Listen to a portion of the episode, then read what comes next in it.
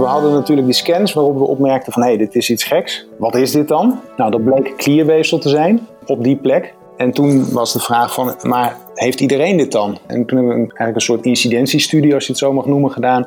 En gekeken bij 100 mensen die zo'n scan hebben gehad, hebben ze het allemaal. Alle 100 bleken op die plek gewoon een grote klont klierweefsel te hebben. Je luistert naar NTVT Dentalk, de podcast van het Nederlands tijdschrift voor tandheelkunde. We gaan hier in gesprek met belangrijke experts, interessante onderzoekers en boeiende ervaringsdeskundigen. En misschien wel met jou. De presentatie is in handen van tandarts-epidemioloog en hoofdredacteur van het NTVT, Casper Bots. Het kan je bijna niet zijn ontgaan, de ontdekking van een mogelijk vierde speekselklier achter in de keel. Op vrijdag 16 oktober jongsleden publiceerden onderzoekers van het Antonie van Leeuwen ziekenhuis in Amsterdam hun mogelijk baanbrekende resultaten en ontdekkingen in het wetenschappelijke tijdschrift Radiotherapy and Oncology.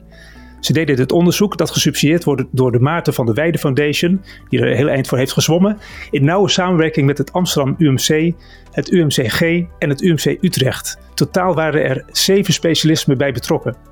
Voor patiënten met een tumor in hun hoofd-halsgebied is deze ontdekking waarschijnlijk goed nieuws, omdat deze plek nu kan worden ontzien tijdens het bestralen, waardoor er mogelijk minder bijwerkingen zullen zijn.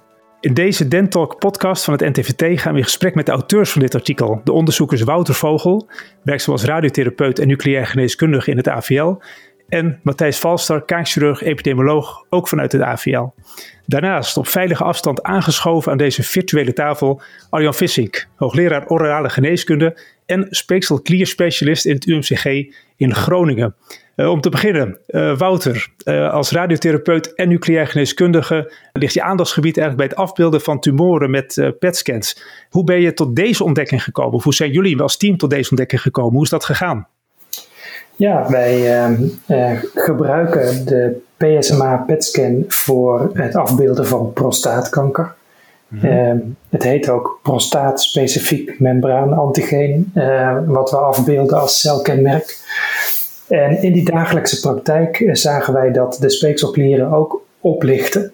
En eh, dat heeft geleid tot een nieuw onderzoeksidee om de speekselklieren hiermee af te beelden. Uh, om te mhm. zien of die uh, schade hebben opgelopen door behandeling, zoals bestraling. Ja. daar hebben wij die grant voor gekregen. En daarom gingen wij ons richten op PSMA-PET-scans van die speekselklieren. En uh, nou ja, aldoende zie je er een hoop voorbij komen en uh, viel ons iets op. Mag ik er even een stapje terug? Want die, die, die scans die worden standaard gemaakt bij mensen met prostaatkanker, of niet? Ja. Zie je dan eigenlijk het hele lichaam daarop?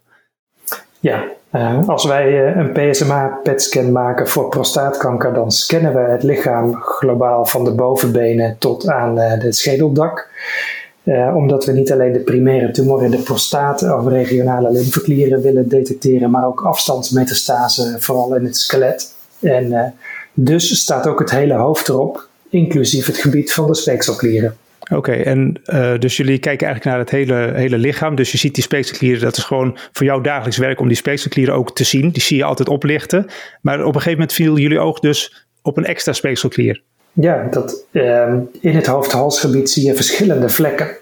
Uh, vrij intens, heel duidelijk. En dat zijn natuurlijk uh, de parotis, de submandibulaire klieren, de sublinguale en ook wel de traanklieren.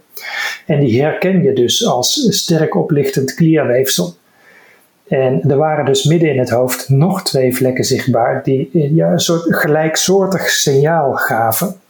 Uh, waarvan we op dat moment eigenlijk niet goed wisten wat het was, uh, maar eigenlijk maar één ding konden bedenken. Dat zou ook klierweefsel moeten zijn. Ja, en hoe komt het dan dat dat nu uh, zichtbaar wordt? Hebben jullie een andere manier van dat detecteren? Is er iets veranderd aan de, de nauwkeurigheid van de detectiemethode? Ja, speekselklieren kun je natuurlijk ook zien met een CT of een MRI. maar de gevoeligheid daarvan is toch beperkt.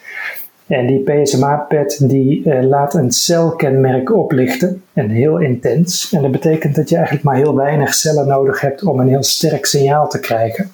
En, en hoe lang is die methode, hoe lang wordt het al gedaan? Is dat dan iets wat een paar jaar wordt gedaan of dat heel recent iets in veranderd is waardoor dat nu zo oplicht? Nee, dit, eh, die PSMA-pad is een volledig nieuwe techniek die sinds een jaar of vijf op grotere schaal eh, zijn intrede heeft gedaan voor prostaatkanker. En we zijn zeer blij mee, zeer gevoelig mhm. voor prostaatkanker. Ja. En die, die speekselklieren zijn bijvangst. En die zien we dus sinds een jaar of vijf ook voor het eerst pas op deze zeer gevoelige manier. Oké, dus de manier van kijken ernaar uh, is veranderd. En die bijvangst, uh, denk ik, uh, Matthijs, als ik jou mag vragen. Die, die bijvangst, toen je daarover hoorde, wat was jouw eerste reactie? Ja, ik, ik um, hoorde van Wouter dat hij daar um, mee aan de slag ging. En dat het een idee was om dat nou eens goed in kaart te brengen. Omdat het eigenlijk nooit beschreven was, gestructureerd en in kaart gebracht. En dat zijn we dus wat mhm. nauwkeuriger gaan doen. En um, ja, dan wordt het niet meer bijvangst, maar dan is het eigenlijk een methode waarmee je bijna een soort snoepwinkel instapt als, als kaakchirurg. Ja. Want je kan in één keer iets zien wat je uh, anders nooit zo mooi kon zien. Dus eigenlijk gaat een soort sluier gaat weg en er opent een wereld uh, voor je, of niet? Ja, want er zijn allerlei um, uh, aandoeningen waarbij speekselklierweefsel schade heeft opgelopen of op plekken zit waar het niet hoort te zitten. Um, uh, waar je er wat aan wil doen. Hè. Denk aan een ranula, een plunging ranula. Uh, ja, waar soms speekselklierweefsel verdwenen is in de hals. Maar waar patiënten dan toch nog een zwelling hebben. Ja, je weet dan niet precies waar het zit. Nou, dan gaan de gedachten over, uh, van, ja, zou dit dan bruikbaar zijn bij deze indicatie? Of zou je het ook kunnen gebruiken bij Sjögren? En op wat voor manier zou je het bij Sjögren kunnen gebruiken? Ook voor detectie? Of dus als een extra aanvullend diagnostisch criterium of zo? Um, nou, daar hebben we eigenlijk, daar zijn we nog helemaal niet bovenop gesprongen. Um, en dat is ook niet, niet ons primaire expertisegebied uh, bij dit onderzoek in het AVL. Maar um, wat je, waar je misschien aan zou kunnen denken is mensen met eigenlijk chronische ontsteking in de speekselklieren.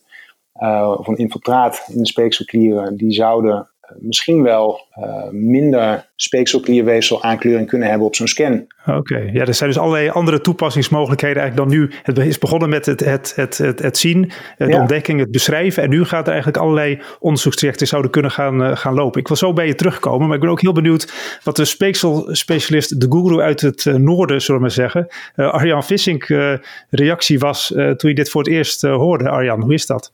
Toch wel in zekere, op zekere zin verrast. Het was mij wel bekend, de PS, PSMA, het, uh, het, stof waar mensen keken, dat het in feite in de speekselklieren verhoogd werd opgenomen. Mm -hmm. Maar ik was me minder bewust dat het inderdaad nog een, een andere structuur was, waar in feite dit, dit, dit, uh, deze stof ook werd opgenomen. En dan ja. integreert het natuurlijk gewoon, wat, is, wat zit daar? Het, ik kan een heel goede gedachte voorstellen dat ze dachten dat daar een soort klierweefsel zat. Omdat juist klierweefsels deze stof uh, verhoogd opnemen. Matthijs, als ik dan jou mag vragen, hoe, is dit dan echt een speekselklier of is het gewoon een andere klier?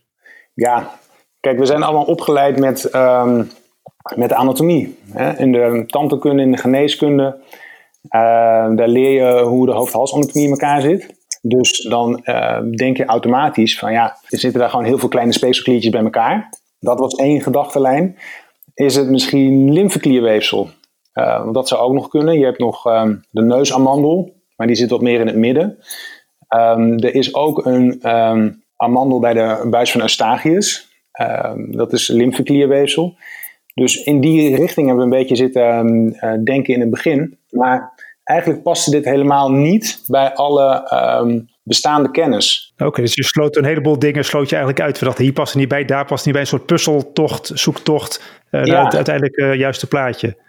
En als ik toch even mag interpreteren van uh, misschien wel helder voor de, voor de luisteraars om even te beschrijven waar die klier nou precies uh, zit. Want wij kennen de mond allemaal heel goed. Dit zit vrij diep achterin, hè? Kan je dat beschrijven, Matthijs? Ja, de buis van Eustachius opening, die zit net onder de schedelbasis links en rechts van het midden. En dat, daar zitten openingen die lopen naar je oren toe, naar de ingang van het oor. En um, dat is een, ja, een buisje als het ware, dat wordt beschermd aan de keelkant door een rand van kraakbeen, de torus tubarius. En over die rand van kraakbeen, daar ligt speekselklierweefsel, hebben we nu kunnen vaststellen. Of klierweefsel. Hè, laat ik nog even het woordje speeksel weglaten. Ja, daar gaan we het zo meteen over hebben. Of het inderdaad dan de speekselklierweefsel is. Maar daar ligt dus dat, dat kraakbeen met dat weefsel, het, dat klierweefsel. Ja, ja en um, dat ligt er als een dun laagje overheen. En um, vooral bij de opening van de buis van Eustachius. In de buis van Eustachius daar zitten ook hele kleine uh, seromuceuze kliertjes, laten we dat even zo noemen. Dat was wel bekend. Die zijn ook wel beschreven. Zijn dat een soort uh, accessorische speekselkliertjes die daar zitten, of kliertjes? Ja, nou ja, de, kliertjes, ja. En die, en die, maken ook slijm. En dat heeft waarschijnlijk, waarschijnlijk dezelfde oorsprong als dit hele conglomeraat... wat we nu uh, heel goed op die scan kunnen zien. En ook op, in de histologie terugvinden. Ja, ik heb hier het artikel uh, voor me van, de, uh, van Radiotherapy en Oncology, wat ook uh, als download, de link staat ook bij deze podcast vermeld. Kunnen mensen ook zelf zien en visualiseren waar dat precies zit. Maar we kunnen niet met ons mondspiegeltje kunnen we die klier niet zien, denk ik, hè? Um, nee, de klier is sowieso eigenlijk niet goed te zien. Ja. Het enige wat je, wat je kan zien, als je er kijkt met een, via de neus met een scope, dat zijn hele kleine uh, zwarte gaatjes. En dat zijn de uitgangetjes van um, de afvoergangen van de klier. Oké, okay, ja.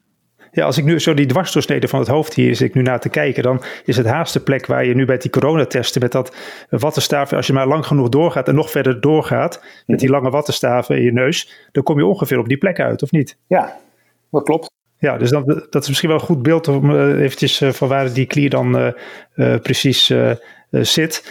Uh, Wouter, dit is ook een gebied wat natuurlijk in het uh, bestraling van het hoofd-halsgebied uh, een rol speelt. Daar, je hebt ook bij patiënten gekeken wat de klinische consequenties zijn volgens mij. Kan je daar iets over toelichten? ja, als radiotherapeut bestraal ik ook hoofd-halstumoren. En nou, het is een bijna dagelijkse praktijk dat na een curatieve dosis straling in het hoofd-halsgebied dat er, er schade aan de speekselklieren optreedt, waardoor patiënten tenminste een periode verminderde speekselproductie hebben en soms zelfs uh, blijvend verlies van speekselproductie. En daarom doen we ons best om de bekende speekselklieren te vermijden. Uh, maar deze locatie was ons niet bekend. wij gingen daar ook niet zuinig om met straling, dus. En hebben eigenlijk nooit ons best kunnen doen om daar schade te voorkomen. En um, nou, we hebben dus uh, dat patroon um, wel herkend uh, op een gegeven moment. Uh, wij dachten, als daar een speekselklier zit, kan dat dan klachten van patiënten verklaren? en het is inderdaad zo dat soms patiënten na bestraling um, in dat gebied het gevoel rapporteren, niet zozeer van een droge mond, dat is speeksel genoeg, maar wel van een droge, ja, meer keel bij de slikbeweging. En eh, nou goed, we hebben verder gedacht.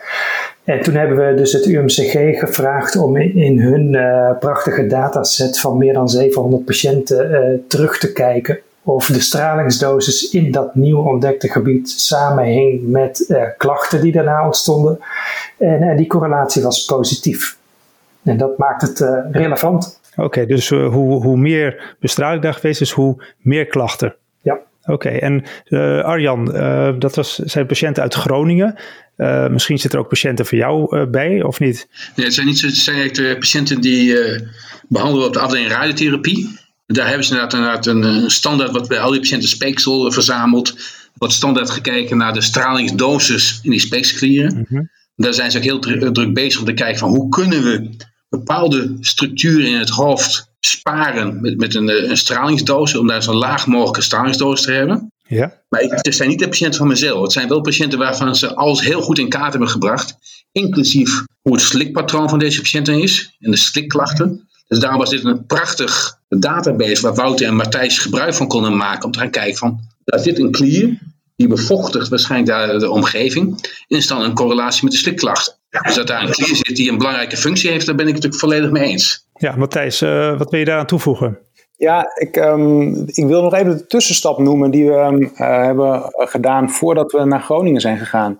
Want um, er zit een bepaalde lijn in het onderzoek waarbij we er eigenlijk telkens opnieuw een deur open ging. In de puzzeltocht eigenlijk. Ja, we verder konden kijken. Want we hadden natuurlijk die scans waarop we opmerkten van hé, hey, dit is iets geks. Wat is dit dan? Nou, dat bleek klierweefsel te zijn op die plek. En toen was de vraag van, maar heeft iedereen dit dan? En toen hebben we eigenlijk een soort incidentiestudie, als je het zo mag noemen, gedaan. En gekeken bij 100 mensen, waar toevallig ook een vrouw tussen zat, uh, die zo'n scan hebben gehad. Hebben ze het allemaal? Nou, dan bleek het, alle 100 bleken op die plek gewoon een grote klont klierweefsel te hebben. En toen, nou, dachten we, oké, maar dan gaat dit wel klinische relevantie hebben als mensen bestraald worden. En, en toen kwam Groningen in beeld. Oh ja, ja. Dat is inderdaad een uh, goede, goede aanvulling even om die hele route van jullie zoektocht uh, te laten zien. Even terug naar die, uh, die klinische consequenties. En dan vraag ik ook even aan, aan Arjan dan, want jij ziet ook veel patiënten met monddroogte.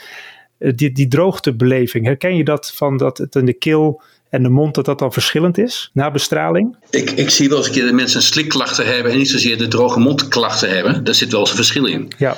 En er kan een verschil in zitten van hoe hevig de klacht optreden. Het maakt uit van wat, welke structuren een hogere of een lagere stralingsdosis hebben gehad. Dus de, de, mate van schade die is opgetreden, waarbij het maakt van ja, is, nu de mond of klacht, zit de klacht in de keel, of is het een combinatie? Dus ik herken wel dat daar een differentiatie in zit. Ja, het viel me op bij de, de resultaten. Uh, daar worden eigenlijk drie dingen worden daar beschreven, begrijp ik. Zeg maar de, de door de arts beoordeelde monddroogte, uh, de door de arts beoordeelde slikklachten en door de patiënt beleefde droogte. Daar zit wel een verschil in tussen. Ik, ik zie dus dat die uh, patiënt beleeft droogte, dat de correlatie wat minder sterk is. Dus dat dan even de vraag is hoe die klinische relevantie zit. Matthijs, kan jij er iets over toelichten? Ja, de, uh, dat, die patient-reported outcome, hè, zoals je dat noemt, dus klachten die worden beleefd of aangegeven door patiënten, um, die zijn iets minder consistent, um, is de ervaring van de chronische radiotherapeuten. En het, het, gaat er vooral om, hè, met die vragenlijsten, van wat is er gescoord? En ja, de ene patiënt beleeft uh, droogte op een hele andere manier dan een andere uh, patiënt. En dat zijn hele uiteenlopende vragen. Dus het is wat subjectiever dan eigenlijk wat de artsen hebben vastgesteld? Ja, want die hebben eigenlijk hele duidelijke criteria en die delen dat ook in dan in uh, vier groepen van ernst. En um, waar we nu naar gekeken hebben en wat we gevonden hebben, is dat al deze mensen um, bijvoorbeeld een dieetverandering uh, hadden. En die konden niet meer een normale intake hebben van voedsel. En die moesten, uh, bestraalde mensen in dit gebied moesten vaker uh, een flesje water de hele dag meenemen. Gewoon dingen die wat beter meetbaar zijn en wat concreter van die belevingszaken van de patiënt. Ja, precies. Dus dan kan je het ook weer wat meer objectiveren. Ja, dus als je wat, wat duidelijker en harder meet als het ware en wat objectiever meet, dan komt het verschil duidelijker naar voren. Ja, oké. dus eventjes een uh, tussenstand. Uh, er is dus klierweefsel. We gaan het nu zo over hebben of het dan speekselklierweefsel is of andere klierweefsel. Op een locatie die we eigenlijk pas nu kunnen zien, omdat er andere verbeterde technieken uh, zijn gekomen. Met een enorme impact op de kwaliteit van leven voor de patiënten. Vat ik het zo een beetje goed samen, Matthijs? nou, dat enorme, um, dat zou ik nog niet durven zeggen. Het is in ieder geval meetbaar als je terugkijkt in deze eh, ruim 700 patiënten. Nou, potentieel, potentieel veelbelovend, misschien moet ik het zo zeggen. Wat een beetje ook een punt is bij, bij überhaupt bij onderzoek. Op, op het moment dat je iets heel hard neerzet, heel sterk neerzet of heel sterk communiceert. Als mensen dat doen, dan, moet, dan denk ik, dat krap, krap, ik altijd even op mijn hoofd. Dan denk ik van, ja, is dat allemaal wel zo zeker? Eerst zien, dan geloven. Eerst zien, dan geloven, eerst meten en dan, uh, dan kijken of het klopt en dan weten. Maar dat hebben we allemaal heel, getracht heel duidelijk en um, uh, goed te doen. En we presenteren hier dan resultaten. Ja, en dan moeten we kijken van hoe interpreteer je dat. En de retrospectieve uh, studie die we dus in Groningen hebben gedaan, daar, daar komt een duidelijk verschil, een significant verschil. En uh, wat we graag zouden willen voordat je echt kan zeggen van nou dit uh, gaan we nu omgooien met de, met de bestralingen. Hè? Dat is dan vooral Wouters vakgebied. Maar dat is dat het eigenlijk nog een keer in een ander cohort bevestigd wordt, gevalideerd. En dat je ook prospectief op een gegeven moment uh, dan je behandeling gaat aanpassen en gaat vergelijken met mensen die eerder behandeld zijn. En kijkt of dat ook prospectief uitmaakt.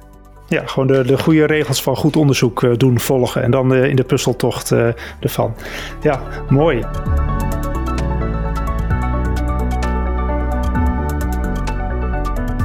Ik vind het echt, echt heel erg leuk en bijzonder dat dit, ja, dat, dat door, door Nederlandse onderzoekers is ontdekt. Dat is natuurlijk helemaal mooi.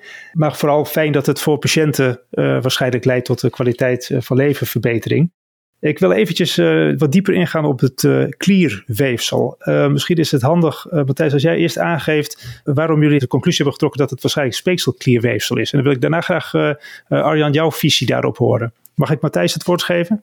Ja, de, op het moment dat je eigenlijk onder de microscoop klierweefsel ziet en probeert dat te duiden op deze plek, het eerste waar je dan aan denkt, tenminste waar wij aan dachten, is van, nou ja, dan, dan is het een set kleine kliertjes. Want ja, de grote speekselklieren die zijn bekend. Hè? Dat is de submandibularis, de sublingualis en de parotis. Dus het is een, een groep kleine speekselkliertjes. Maar heten die wel speekselkliertjes? Of zeg je seromuceuze kliertjes in dat gebied?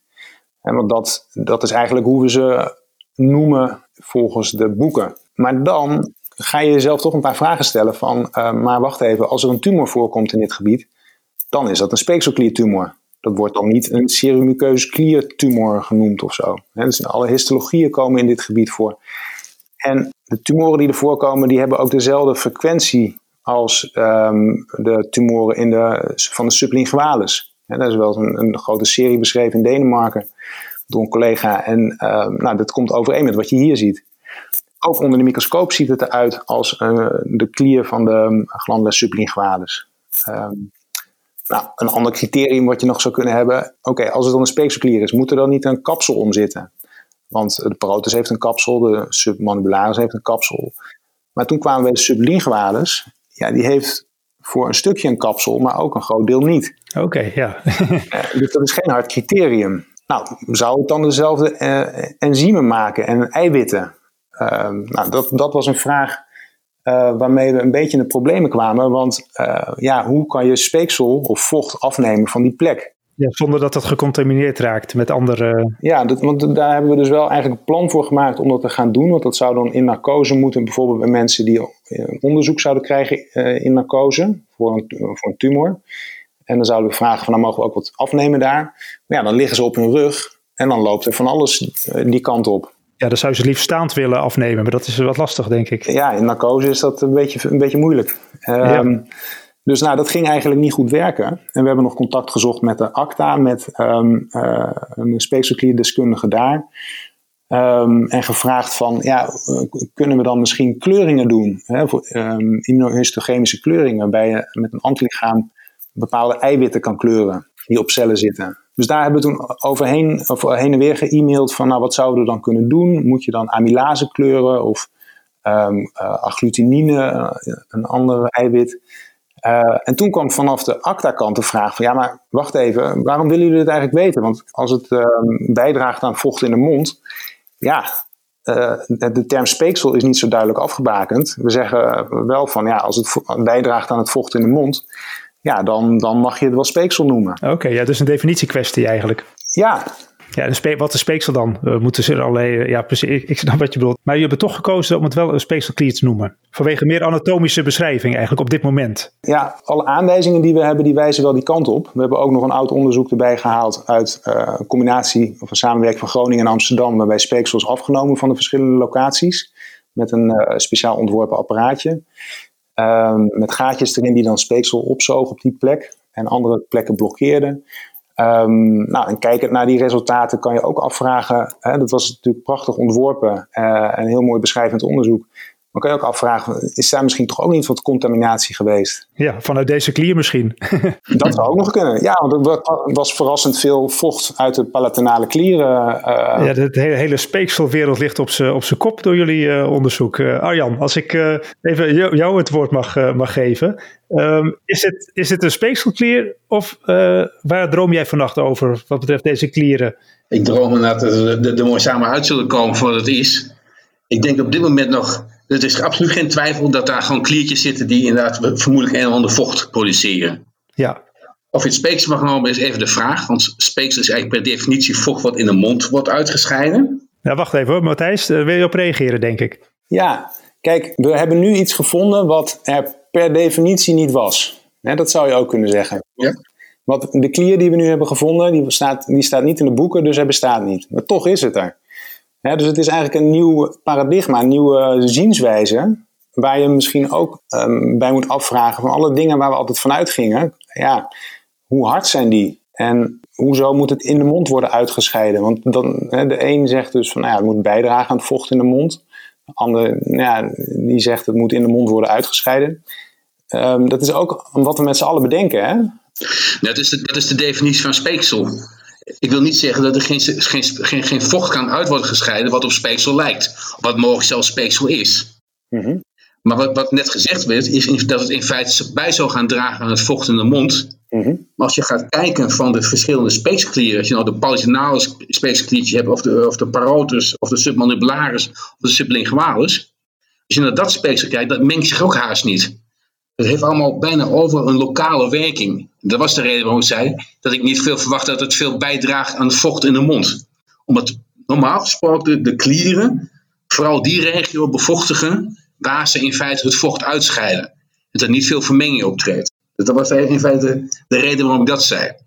Ja. Oké, dus maar je kan me voorstellen als je op een gegeven moment je, als je je neus ophaalt, doet, doet zo, en er komt wat, wat vocht uit de, uit de neus, uh, achterin uh, de mond, langs deze klier, uh, en op die manier toch ook weer in je mond kan komen. En dan is toch eigenlijk alles wat in je mond zit, zou je dan speeksel kunnen noemen? Ja, dan heb je het over mondvloeistof. Oké, ja, oké. Dan heb je, heb je de, de, de, de, vermenging van alles. En het andere wat, uh, wat Matthijs tegen over had, over die, uh, over dat, die apparaatjes, dan was wel een bijzonder iets als je positienaal speeksel opving met die apparaten. En die apparaatjes strekten zich vrij ver in feite wel op het palatum molle uit. Niet zo ver tot waar die andere kliertjes zitten. En daar bleek dat die klieren plotseling ontzettend veel vocht konden uitscheiden. Waardoor in feite dat je een, eerst een behoorlijke hoeveelheid speeksel kon opvangen daarvan. Het andere bijzondere daarvan was dat het soms allemaal twee of drie dagen duurde voor die splitjes het weer konden doen. Weet je, wat je dan vaak zag met een prothese die uit de mond dreef. En als de tandarts ging kijken, die vindt niks. Dat komt omdat die kliertjes gewoon leeg zijn. Maar het, andere punt is in feite over de, histologie, waarover gesproken wordt. Als je daar naar kijkt, dan heeft het dat weg van de sublinguaals. Daar ben ik het mee eens. Je ziet heel veel uitvoergaantjes zitten dat duidt dan iets meer op een conglomeraat van allerlei kleine speekselkliertjes bij elkaar dan dat het één grote klier is. Maar wat, wat bijzonder was, er is wel naar amylase gekeken en de amylasekleur was negatief. In feite voor speekselklier is die normaal gesproken positief. Nu is gekeken naar een sublingualis, dan is amylase niet de meest mooie marker, dan zou ik eerder naar mucinemarkers gaan kijken. Dus wat dat betreft is het misschien wel zinvol om toch een keer weer met de orale biochemie van de ACTA contact op te nemen. Want die hebben prachtige markers om te gaan kijken van welke eiwitten en welke mucine die specifiek daar worden uitgescheiden. En als je die daar kunt vinden, dan denk je veel meer dat het, laat het dan een ectopische speeksklier noemen. Want dan kunnen speeksklieren ook op andere, wijze, op andere plaatsen terechtkomen. Maar daarvoor moet je verder eh, wat uitzoeken. Matthijs, moeten ze ACTA weer eh, contacten en dan uh, naar de samenstelling van de machine gaan kijken mogelijk? Ja, dat zou kunnen. Dan, dan, zou je, dan zou je van die koepers, daar zou je ook die kleuring op kunnen doen.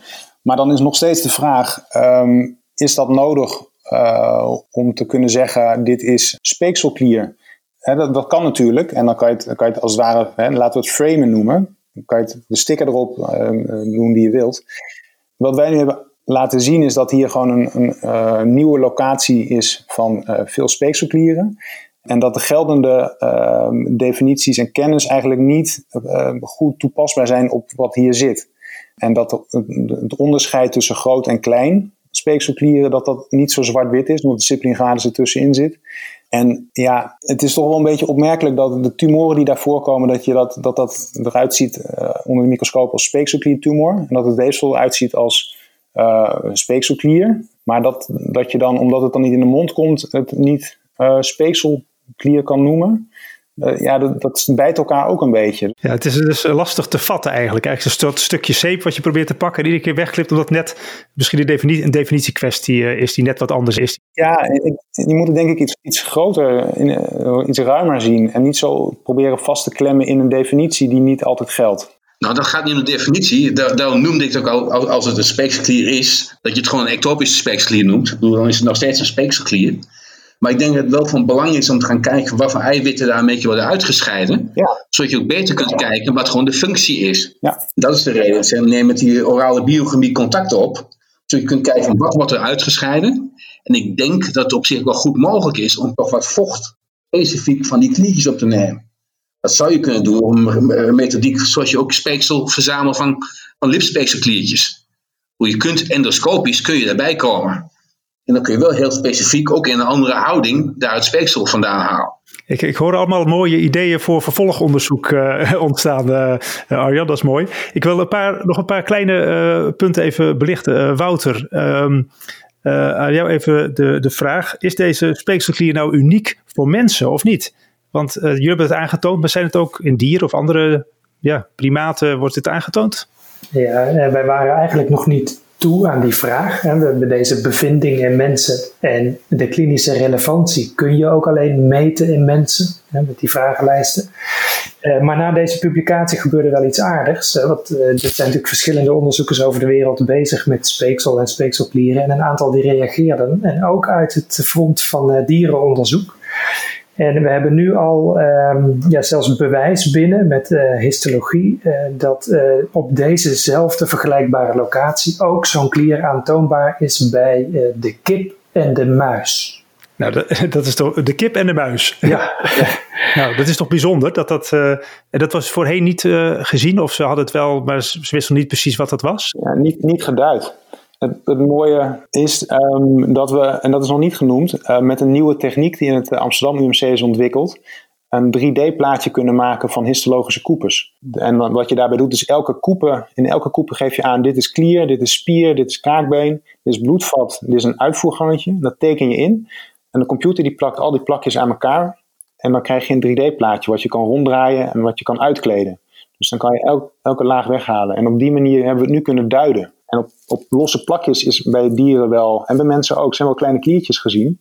Maar als je in de oude anatomieboeken kijkt, dan staat niet uitgelegd van nou dat hoort bij een groter geheel. Want dat kon je toen gewoon nog niet zien. En dat is wat we nu in de kaart hebben kunnen brengen. Ja, dat is mooi. Dus eigenlijk door de, door de ontwikkelingen van de technieken die samenvallen en op de grensvrakken van de uh, zeven verschillende disciplines, daar gebeurt gewoon iets nu. Dat is, uh, uh, nou, dat is echt ontwikkeling, toch? En hoopvol ook in deze tijden.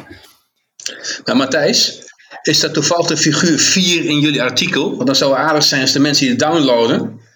Dat daar, staat een interactieve 3D-plaat. Dan kunnen ze het zelf ook na, nazoeken en nakijken wat jullie gezien hebben. Ja, er zit inderdaad eh, dus een, een link eh, bij de tekst eh, van deze Dentalk waar mensen op kunnen klikken. We zullen het ook op de NTVT-site zetten hoe mensen erbij kunnen komen. En als er aanvullend beeldmateriaal is, zullen we dat ook erbij zetten. Dan krijg je nog meer beeld bij de klier waar we het over hebben.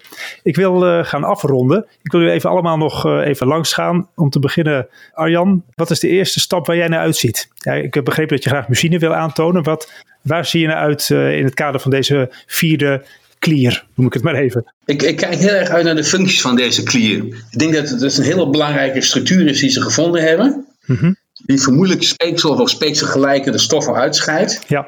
Ik denk dat om dit beter te herkennen en te beter te begrijpen wat er is, dan is het heel aardig om daar wat verder in te duiken en te gaan kijken van ja, wat, wat wordt er uitgescheiden en wat is dan de betekenis voor de nasofarings en de varings. Ja, dus precies. En uh, voor uh, Wouter, wat is, uh, wat jullie dus hebben natuurlijk allerlei onderzoeksideeën en wat is het eerste wat je morgenochtend gaat doen op dit gebied?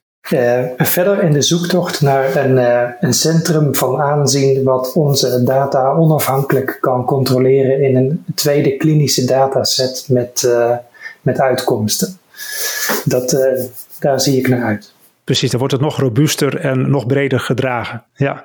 En uh, Matthijs, uh, tot slot voor, uh, voor jou. Um, er gebeurt natuurlijk heel veel deze, deze weken in deze zoektocht en deze ontdekking. Wat is jouw doel ook met het, deze ontdekking en wat hoop je uiteindelijk? Nou, ik denk dat het belangrijk is om het traject goed uit te stippelen van deze bevinding.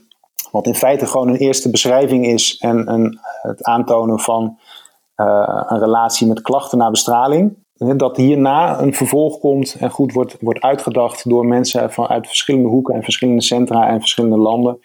Uh, hoe kunnen we ervoor zorgen dat we goed aantonen of dit nou inderdaad klinisch relevant is?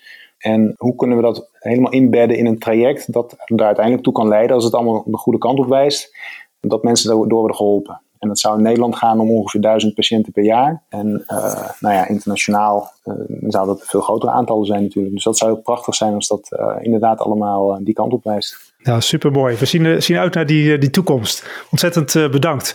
We zijn hiermee aan het einde gekomen van deze Dentalk podcast over het onderwerp over de ontdekking van de vierde klier. Waarin we in gesprek waren met Wouter Vogel, Matthijs Valster en professor Arjan Vissink. Bedankt voor het luisteren en heel graag tot de volgende keer. Dit was NTVT Dentalk, de podcast van het Nederlands tijdschrift voor tandheelkunde. Heb je tips of leuke vragen voor ons? Laat het ons weten via redactie.ntvt.nl. Bedankt voor het luisteren en graag tot de volgende keer.